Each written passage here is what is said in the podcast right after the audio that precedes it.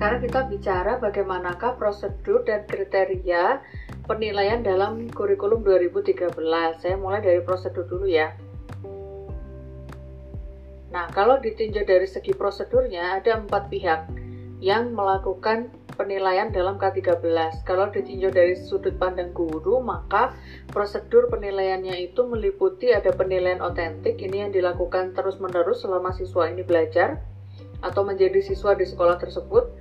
Kemudian ada penilaian proyek, penilaian ulangan harian, dan UTS atau sekarang disebutnya PTS ya, penilaian tengah semester. Terus kalau dilihat dari segi pan, uh, sudut pandang sekolah, maka ada UAS atau PAS, penilaian akhir semester. Kemudian ada penilaian akhir tahun, ujian sekolah, dan AKM atau Assessment Kompetensi Minimum. Nah, AKM ini yang menjadi pengganti dari UN. Karena UN itu sudah diganti oleh AKM dan pihak yang melakukan uh, prosedur penilaian itu adalah sekolah, maka pemerintah di sini hanya menjadi pengawas terhadap pelaksanaan AKM. Nah, detailnya kalau untuk AKM itu seperti apa, akan ada pertemuan sendiri untuk membahas itu. Nah, selanjutnya kalau dilihat dari sudut pandang siswa, maka prosedur penilaiannya itu ada penilaian diri dan penilaian teman sejawat. Ya, itu kalau ditunjuk dari segi uh, prosedur penilaian dalam K13. Nah, sekarang kalau masalah kriteria. Oke. Jadi kalau kriteria penilaian dalam K13 itu meliputi yang dinilai dalam K13 itu tidak hanya hasil belajar saja, tetapi proses belajar juga dinilai. Nah, penilaian proses dan hasil belajar ini tadi disebut dengan assessment ya. Kemudian yang dinilai itu meliputi tiga ranah, aspek pengetahuan, sikap, dan keterampilan. Lalu selanjutnya kalau aspek pengetahuan itu diwadahi oleh KI-KI yang KI 3 ya Kemudian kalau sikap itu KI 2 dan kalau keterampilan itu di KI 4. Jadi penilaiannya meliputi itu.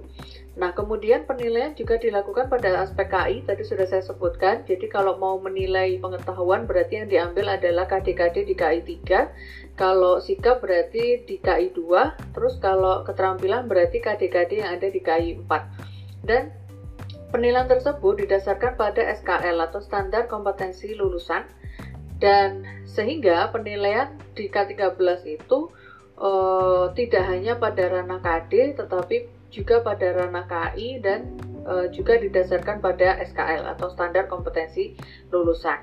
Itu untuk prosedur dan kriteria penilaian dalam K13. Nah, kalau secara umum kalau saya berbicara prosedur pengembangan evaluasi secara umum, maka tahapannya itu antara lain ada enam ini. Yang pertama perencanaan, kedua pelaksanaan, ketiga monitoring, keempat pengolahan data, kelima pelaporan hasil, dan keenam penggunaan hasil. Kita bahas satu-satu ya. Kalau perencanaan itu apa yang dilakukan? Kenapa harus dibahas satu-satu? Karena ini nanti akan kalian lakukan selama satu semester ke depan. Di tahap perencanaan itu yang dilakukan adalah menyusun pedoman evaluasi jadi sebelum kita melakukan penilaian terhadap siswa, pertama yang dilakukan adalah menyusun pedoman evaluasi. Pedoman evaluasi ini berisi apa saja? Satu, ada analisis kebutuhan, lalu ada identifikasi kompetensi dan hasil belajar, lalu menentukan jenis evaluasinya, lalu menyusun kisi-kisi kompetensi yang akan diukur, lalu menyusun instrumen penilaian dan menguji kualitas dari instrumen tersebut. Baru hasilnya nanti bisa digunakan untuk menilai siswa atau tidak. Nah, ketika dikaitkan dengan pelaksanaan, maka ada saya pindah dulu suite. Nah, oke, okay. ada hubungan antara perencanaan dengan pelaksanaan tentu saja ya. Kalau yang direncanakan itu adalah menganalisis kebutuhan, maka Pelaksanaan real yang akan dilakukan oleh guru adalah beliau akan menentukan jenis kemampuan berbahasa yang akan diukur, ranah yang akan diukur, serta penyesuaian dengan tujuan pembelajaran. Tidak hanya guru, tapi juga Anda sebagai calon guru. Nanti saya akan, akan ajak ke sini. Terus kalau perencanaannya itu mengidentifikasi kompetensi dan hasil belajar, maka dalam pelaksanaannya yang dilakukan oleh guru dan calon guru termasuk Anda adalah mengidentifikasi kompetensi dasar dan hasil yang ingin diinginkan atau ranah yang diinginkan dalam penilaian ini itu apa. Terus kalau yang direncanakan adalah menentukan jenis evaluasi, maka yang dilaksanakan adalah menentukan jenis evaluasi yaitu tes atau non-tes. Tentu saja ini harus dikaitkan dengan jenis ranah yang akan diukur.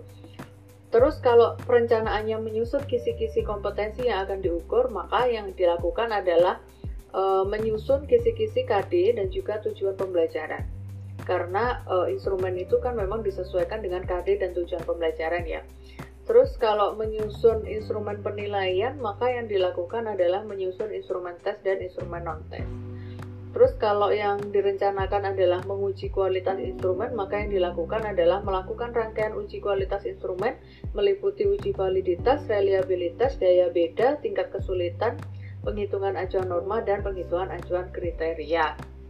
Nah, prosedur berikutnya adalah monitoring. Apa sih yang dilakukan? Yaitu memantau dan menganalisis kesesuaian antara pelaksanaan ini tadi, jadi memantau apakah pelaksanaan ini tadi sesuai dengan yang direncanakan atau tidak. Itu aktivitas monitoring. Tekniknya bisa dengan melakukan observasi partisipatif saat kegiatan e, evaluasi itu dilakukan, wawancara, atau bisa juga dari studi dokumentasi, yaitu dengan mengambil nilai nilai hasil dan nilai proses e, pada saat penilaian itu dilakukan. Lalu pengolahan data, jadi tadi sudah dilakukan uh, apa perencanaan sampai menghasilkan instrumen tes dan non tes terus diterapkan ke siswa. Nah setelah pulang lagi kan ada data itu yang diambil berupa data hasil dan data proses itu diapakan? Ditafsirkan sehingga menjadi data yang bermakna. Tekniknya teknik menafsirkan data itu dengan mengubah skor menjadi nilai ini rangkaiannya ya. Terus mengonversinya mengonversikan e, nilai tersebut dengan standar yaitu dengan KKM atau S, apa, SKM, kriteria ketuntasan minimum atau standar ketuntasan minimum, lalu mengolahnya dengan penilaian acuan kriteria, penilaian acuan norma, dan sekaligus menyimpulkan. Nah, simpulannya kemudian untuk dilaporkan, yaitu kalau pelaporannya itu kepada orang tua, tujuannya adalah agar orang tua mengetahui kemajuan belajar anaknya. Kalau pelaporannya itu kepada kepala sekolah, berarti tujuannya supaya kepala sekolah dan juga pengawas itu mengetahui efektivitas pembelajaran yang sudah dilakukan. Terus juga hasil dari pengolahan data tadi itu dilaporkan kepada siswa itu sendiri, yang tujuannya supaya siswa bisa mengetahui ketercapaian hasil belajarnya. Nah, selanjutnya hasil dari pelaporan tersebut bisa digunakan untuk uh, aktivitas yang lain uh, untuk tujuan yang lain. Misalnya begini hasil evaluasi yang berupa rapor. Nah rapor itu dipakai untuk apa sih? Untuk kenaikan kelas. Terus AKM ya asesmen kompetensi minimum sebagai pengganti UN itu hasilnya digunakan untuk apa sih? Untuk memasuki jenjang pendidikan yang lebih tinggi sekaligus sebagai promosi sekolah.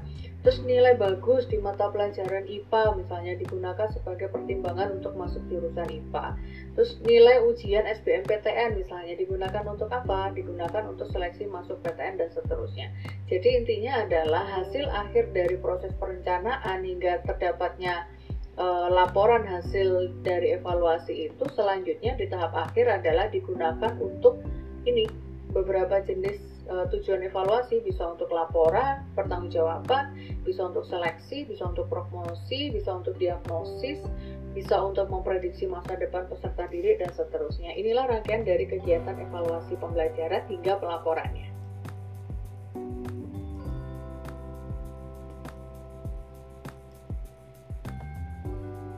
Oke, okay, ada satu tadi penjelasan saya yang kurang rinci ya kaitannya dengan ketika kita sebagai guru atau calon guru mau mengukur aspek pengetahuan, sikap, dan keterampilan. Kan tadi pengetahuan, sikap, dan keterampilan itu menjadi kriteria dari penilaian K13. Nah, pada saat mau mengukur aspek pengetahuan, sikap, dan keterampilan, itu alatnya apa gitu, instrumennya berupa apa. Nah, ini penjelasannya. Jadi kalau mau mengukur ranah sikap, maka alatnya adalah pedoman observasi, skala sikap atau penilaian diri, penilaian antar peserta didik, daftar cek, jurnal, dan catatan insidental. Jadi, eh, kapan sih pengukuran sikap itu dilakukan? Yaitu pada saat proses pembelajaran itu terjadi. Karena memang fungsinya pengukuran ranah sikap adalah untuk mengukur proses pembelajaran yang dialami oleh seorang peserta didik. Nah, ini nanti akan kalian susun pada saat sudah praktik ya. Kemudian kalau yang diukur itu adalah pengetahuan, maka e, alatnya adalah bisa dengan tes tulis, tes lisan atau penugasan. Adapun tes tulis itu dibagi menjadi tes objektif dan subjektif. Ini juga nanti yang menjadi e, wilayah dari praktik kalian nanti. Terus kalau mau mengukur anak keterampilan, maka e, alatnya adalah bisa dengan menggunakan tes kinerja unjuk kerja, proyek, portofolio, dan juga produk. Jadi kalau uh, sikap itu ya pengukuran aspek sikap itu dilakukan adalah untuk mengukur proses pembelajaran siswa, maka ranah pengetahuan dan keterampilan itu dilakukan untuk mengukur uh, hasil dari kegiatan belajar siswa. Adapun alat-alatnya seperti yang saya sebutkan barusan. Itu saja tambahan dari saya untuk kriteria pendidikan.